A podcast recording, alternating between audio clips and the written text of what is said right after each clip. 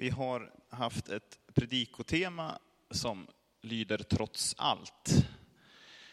Och idag så är temat glädje trots allt. Eh, att som kristen och som Guds egna kunna uppleva glädje och mening trots motgångar i livet. Eh, I första Petrus brev så skriver Petrus till de kristna i mindre Asien, nuvarande Turkiet. Han uppmanar de kristna att stå fast i sin tro på Jesus Kristus, trots förföljelse eller utanförskap. Att stå fasta i sin tro på Kristus, det är det centrala, det är det som är brevets nav. Och vidare så menar Petrus att vi kan vara glada när vi står fasta i tron, oavsett omständigheter. Och eftersom vi ska tala om glädje så ska vi också eh, se till att vi förstår vad som menas när glädje nämns under den här predikan. Glädje i det här sammanhanget är känslan av mening och tillfredsställelse. Till skillnad från ordet glädje när det syftas på någonting roande. Det kan absolut hänga ihop, och det gör det många gånger, men det är inte det som är botten i begreppet. Det är inte det som Petrus framför allt syftar på när han talar om glädje. I vårt samhälle så är ju den sortens glädje väldigt central, eh, den roande glädjen. Men det är ganska svårt att bygga ett liv på den roande glädjen. Mening och tillfredsställelse fungerar väldigt bra som ett fundament, också för det roande, men inte tvärtom. Så det vi har med oss när vi talar om glädje under den här predikan, det är känslan av mening och tillfredsställelse. Och vi ska titta närmare på den här glädjen utifrån två perspektiv. Dels den glädje som kommer på grund utav lidandet för Kristus. Det lidande som kommer som en följd av mitt beslut att följa Kristus. Det lidande som stärker relationen och som därmed blir en källa till glädje.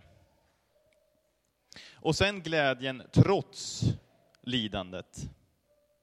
Alltså trots att vi möter motgångar, trots att lidandet i sig själv inte är någonting gott, så kan jag med Guds hjälp se att lidandet och livet är större än mitt lidande. Och så uppleva glädje.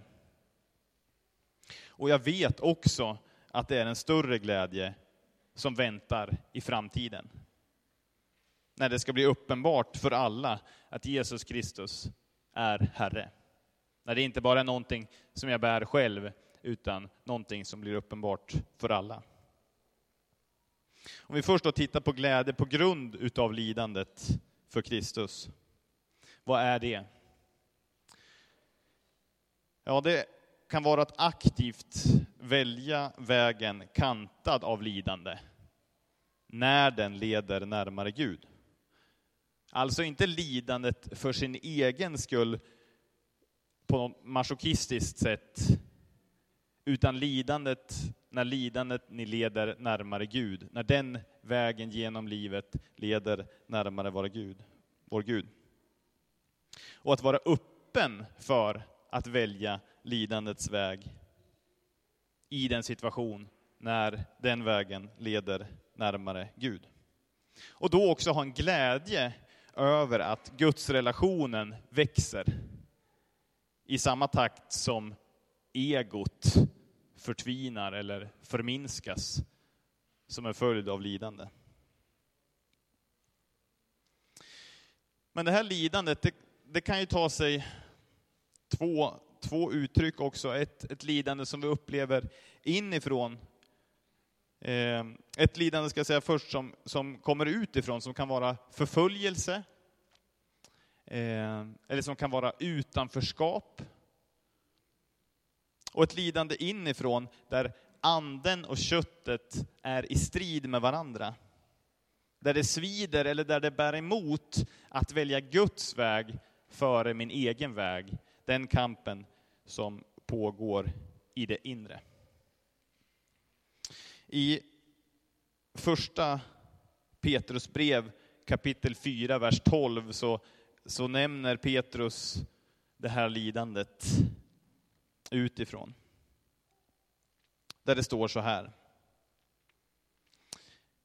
Mina kära, bli inte överraskade av det eldprov ni måste gå igenom, som om det vore något oväntat som hände er.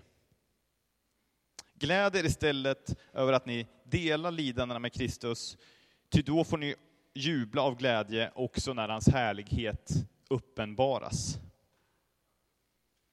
Och det är som att Petrus säger att bli inte överraskade över att ni får möta motstånd och lidande som om det vore någonting oväntat. Ni går ju i Kristi efterföljd.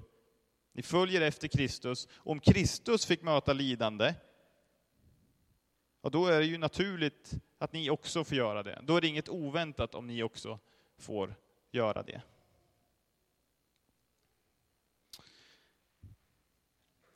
Petrus nämner det lidande som kommer av att den kristne tar ställning för Kristus. Församlingen i mindre Asien upplever det lidandet som kommer sig av att de har tagit ställning för Kristus och ställer sig utanför den kulturen där och då och ställer sig utanför de seder och bruk som finns och därmed upplever de utanförskap och lidande. Som svensk kristen så kanske det här utanförskapet kan upplevas genom att den kristna tron inte passar in eller raljeras över på arbetsplatsen eller i skolan. För den nordkoreanske kristne så kanske det här lidandet kan innebära tortyr på grund av att den kristne eh, har en starkare lojalitet till Kristus än till regimen. Helt olika nivåer av lidande, men båda ett lidande utifrån för Kristus. Och i båda fall något som den kristne kan förvänta sig som en del av tron och som en del av efterföljelsen. Ställningstagandet för Kristus kan alltså, eller får alltså, lidande som konsekvens. Men i och med det också mening och glädje. Därför att vi får se fram emot den dag då varje knä ska böjas och varje tunga bekänna att Jesus Kristus är Herre. Och de framtidsutsikterna ger oss glädje mitt i lidandet. Men också här och nu kan vi få uppleva glädje i lidandet. Därför att när all barlast kastats av, som det ofta blir när vi möter lidande, när vi har fått kastas av, kasta av oss vår egen status, eller när vi har fått kastat av vår egen trygghet eller vårt eget anseende, då blir det klart för oss att det som ytterst bär livet, det är Jesus. Och det är en förståelse som kan vara lättare att landa i när det blåser med motvind än medvind. Därför i medvinden kan det vara så mycket annat som bär oss. Men om vi fortfarande står upp i motvinden som kristna, då vet vi att det är Jesus som bär. Den som lyfter sin tro på Kristus och som värnar om de saker som ligger på Guds hjärta när det inte är fördelaktigt att göra det, den ger uttryck för mer än bara en åsikt. Den ger uttryck för tillhörighet och, och lärjungaskap. Att bara ha en relation med någon i medgång, det kan vara att dela intresse eller vara kompanjoner kanske. Men det självvalda lidandet, uppoffrandet, tar relationen vidare och i tron så tar det personen från sympatisör till lärjunge. nu blev det lite jobbigt. Måste vi, måste vi verkligen ha det här lidandet då? Vi kan väl ha väldigt mycket ändå? Kan vi inte välja bort lidandet? Kan vi inte älska Gud och varandra utan lidande? Ja, då måste vi fråga oss om en relation kan fördjupas utan någon uppoffring eller annan form av lidande. Kan kärlek uttryckas fullt ut utan lidande eller uppoffring? Min kärlek till min fru sträcker sig varken djupare eller grundare än det vi har gått igenom tillsammans. Den är varken svagare eller starkare än det lidande vi upplevt för varandra eller de uppoffringar vi gjort tillsammans. Därför att utan tillfällen av uppoffring eller lidande för egot så ges kärleken inget utrymme att växa eller rotas.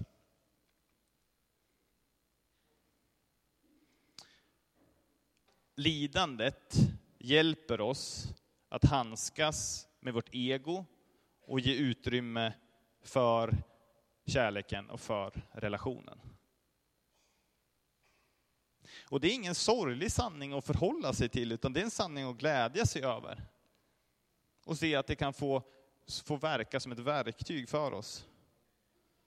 Och därför att de situationer i livet där vi kan få välja den svåra vägen som går närmare Guds hjärta, där vi kan få möta de svåra situationerna för Guds skull, de kommer också att stärka tron. Precis som det står i Jakobs brev kapitel 1, vers 2.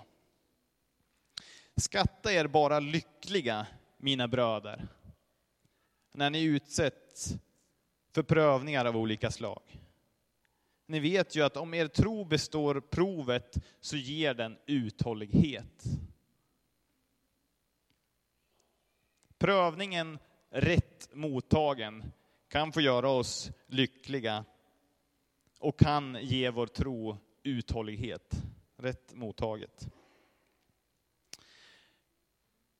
En relation som kärleken tryggt kan vila i, som tåls att lutas emot eller falla emot, den behöver få stärkas genom lidande och uppoffringar. Jesus själv led in i döden och därför så vet vi att hans relation till oss håller för allt. Precis som det står i Romarbrevet kapitel 8. Vi kan vara viss om att varken död eller liv, varken änglar eller andemakter, varken något som finns eller något som kommer, Varken krafter i höjden eller krafter i djupet eller något annat i skapelsen ska kunna skilja oss från Guds kärlek i Kristus Jesus, vår Herre. Och därför så ger det oss också, när vi ser den väg som Jesus har gått, så ger det oss också mod att välja ett uppoffrande liv eller ett lidandes väg, när vi vet att den fördjupar relationen och när vi vet att den vägen går nära Guds hjärta. Att välja Guds väg, att leva efter anden istället för köttet, det kan vara just det här lidandet inifrån som vi nämnde i inledningen. Kampen mellan köttet och anden, mellan mitt hus och Guds hus kanske, mellan mitt rike och Guds rike. Den kampen som pågår här inne.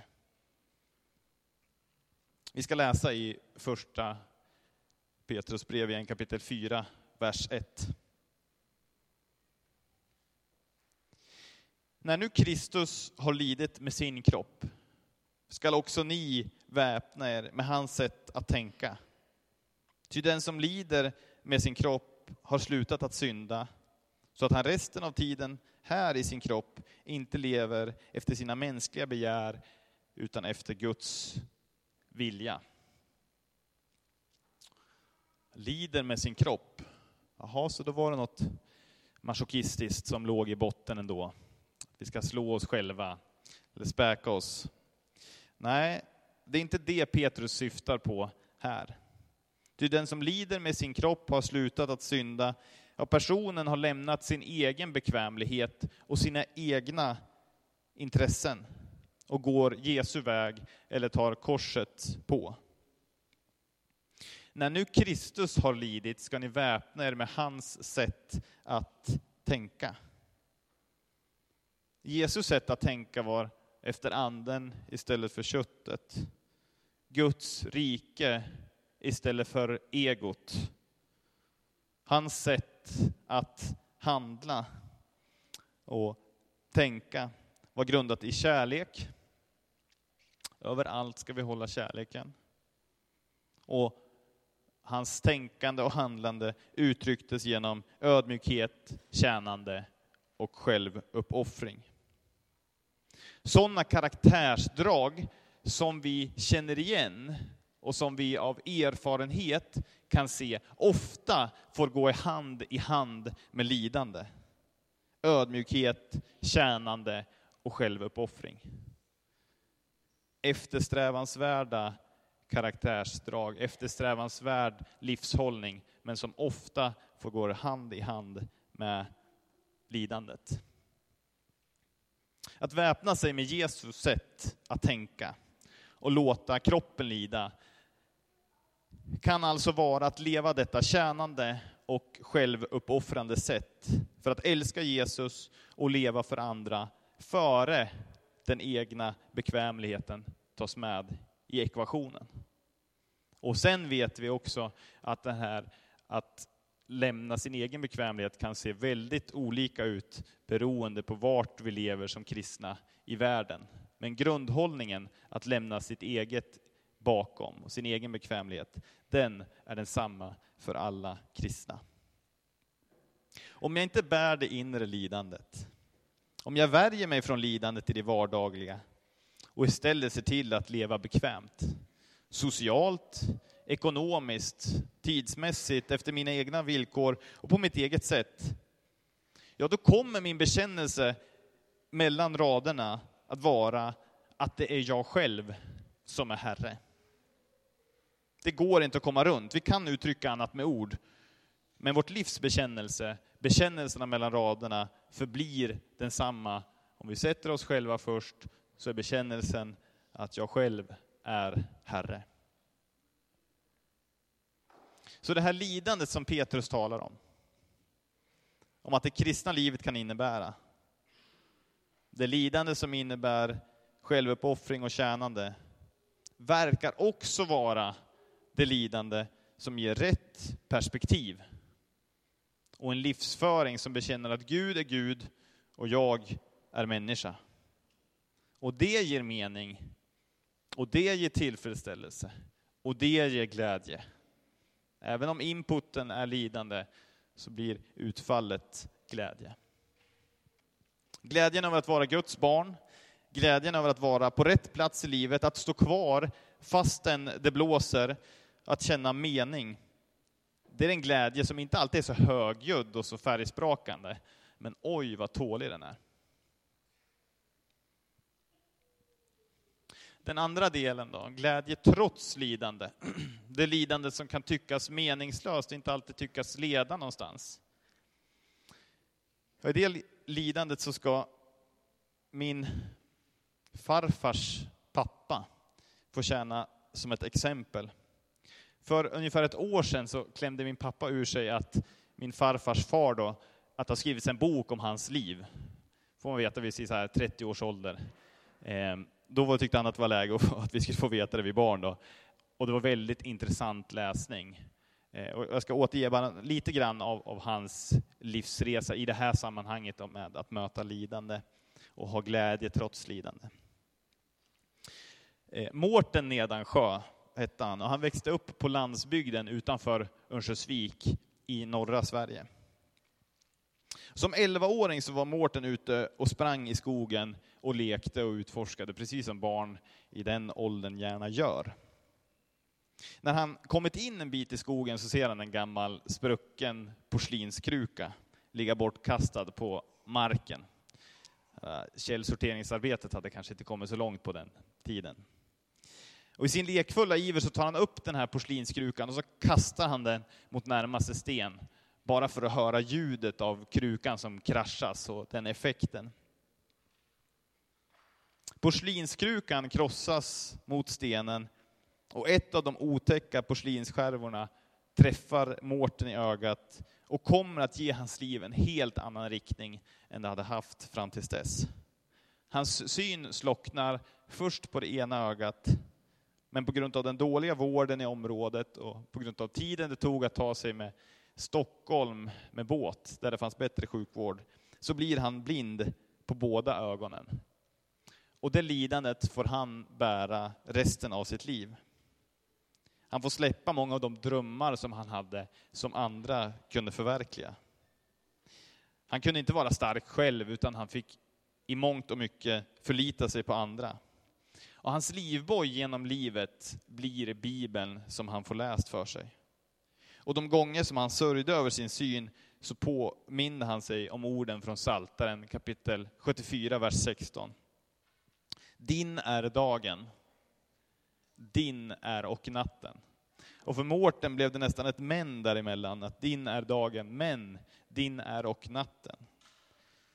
Den versen som betonade och påminde honom om att Gud är lika nära i hans mörker som Gud är nära någon annan i deras ljus och seende.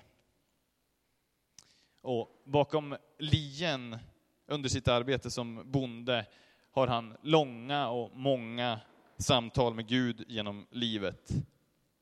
Mårten får känna på utanförskap och lidande i olika former, men i sin utsatta situation, i lidandet, får han också uppleva Guds omsorg och Guds starka hand genom livet.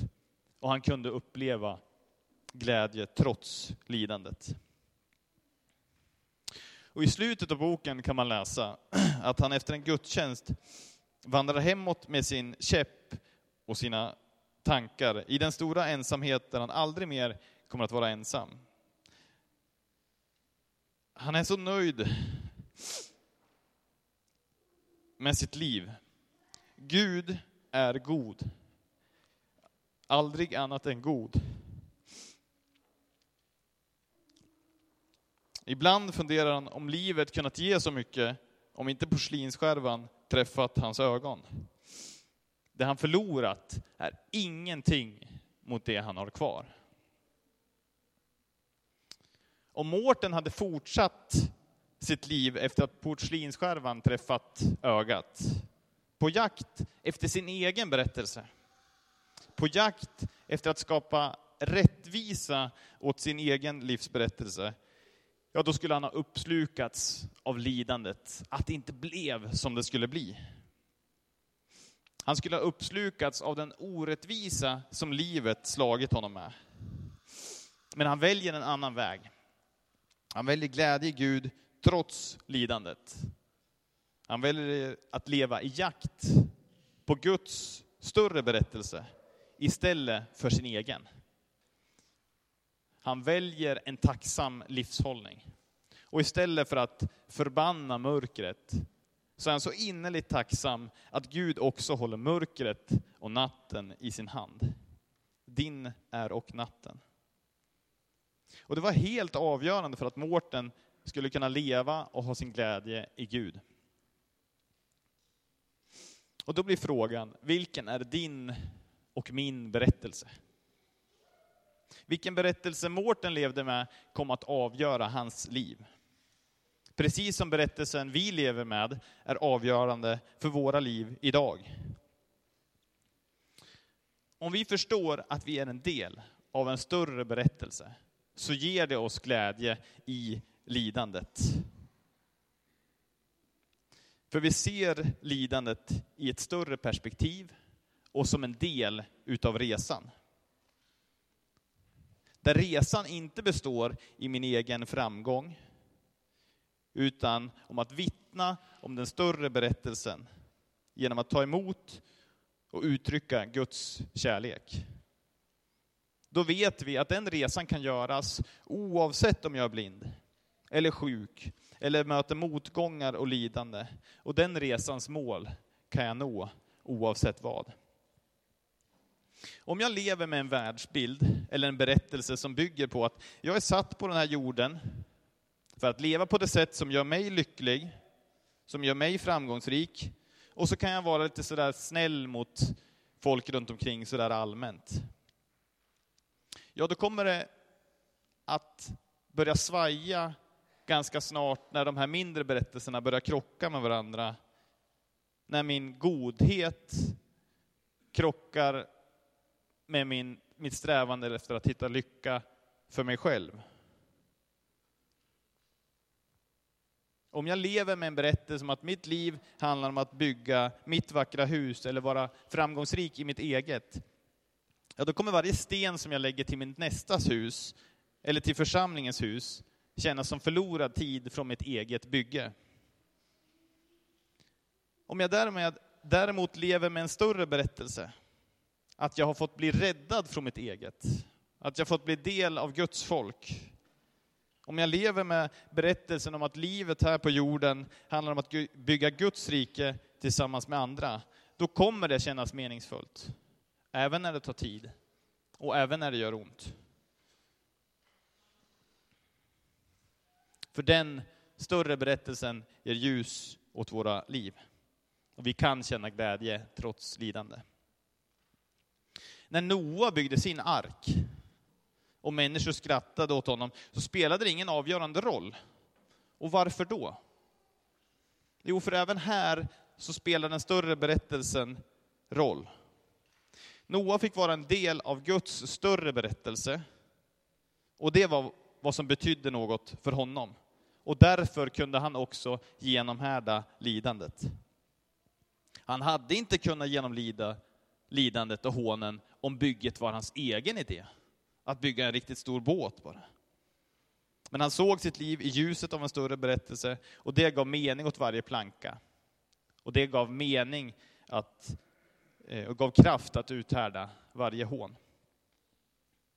På samma sätt är det för oss. Vi kan uthärda lidande, vi kan uthärda oförstående kommentarer när vi vet att huvudlinjen i livet levs för Jesus, för Guds rike, för församlingen. Och vi vet också att det vi lever för är också det vi blir burna av. Den stora berättelsen hjälper oss att leva ett utgivande liv. Att vända andra kinden till, att ge av vårt eget till den som inte har.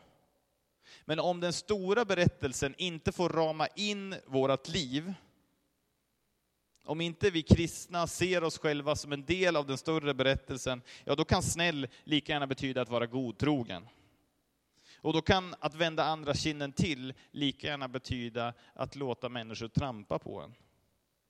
Att vara generös kan innebära att förlora sina pengar snarare än att berika eller hjälpa någon annan. Den kristna tron den blir väldigt platt när den förminskas till lösryckta verser, en livsfilosofi eller några goda levnadsregler. Den kristna tron är större än så. Det är berättelsen om hur Gud räddar människan och i den berättelsen kan vi leva våra liv för världens skull, möta lidande, leva utgivande och ha glädje trots allt. Vi ber tillsammans. Tack Herre för att vi får lida för dig och med dig i dina fotspår. Hjälp oss att gå tryggt genom lidandet och vara glada i lidandet, när den vägen leder närmare dig. Hjälp oss att uttrycka vår kärlek till dig och våra medmänniskor när vi vandrar lidandets väg, Herre. Och när vi möter meningslöst lidande som förlamar oss, låt oss då få vila villkorslöst i din famn, Herre. Så ber vi. Amen.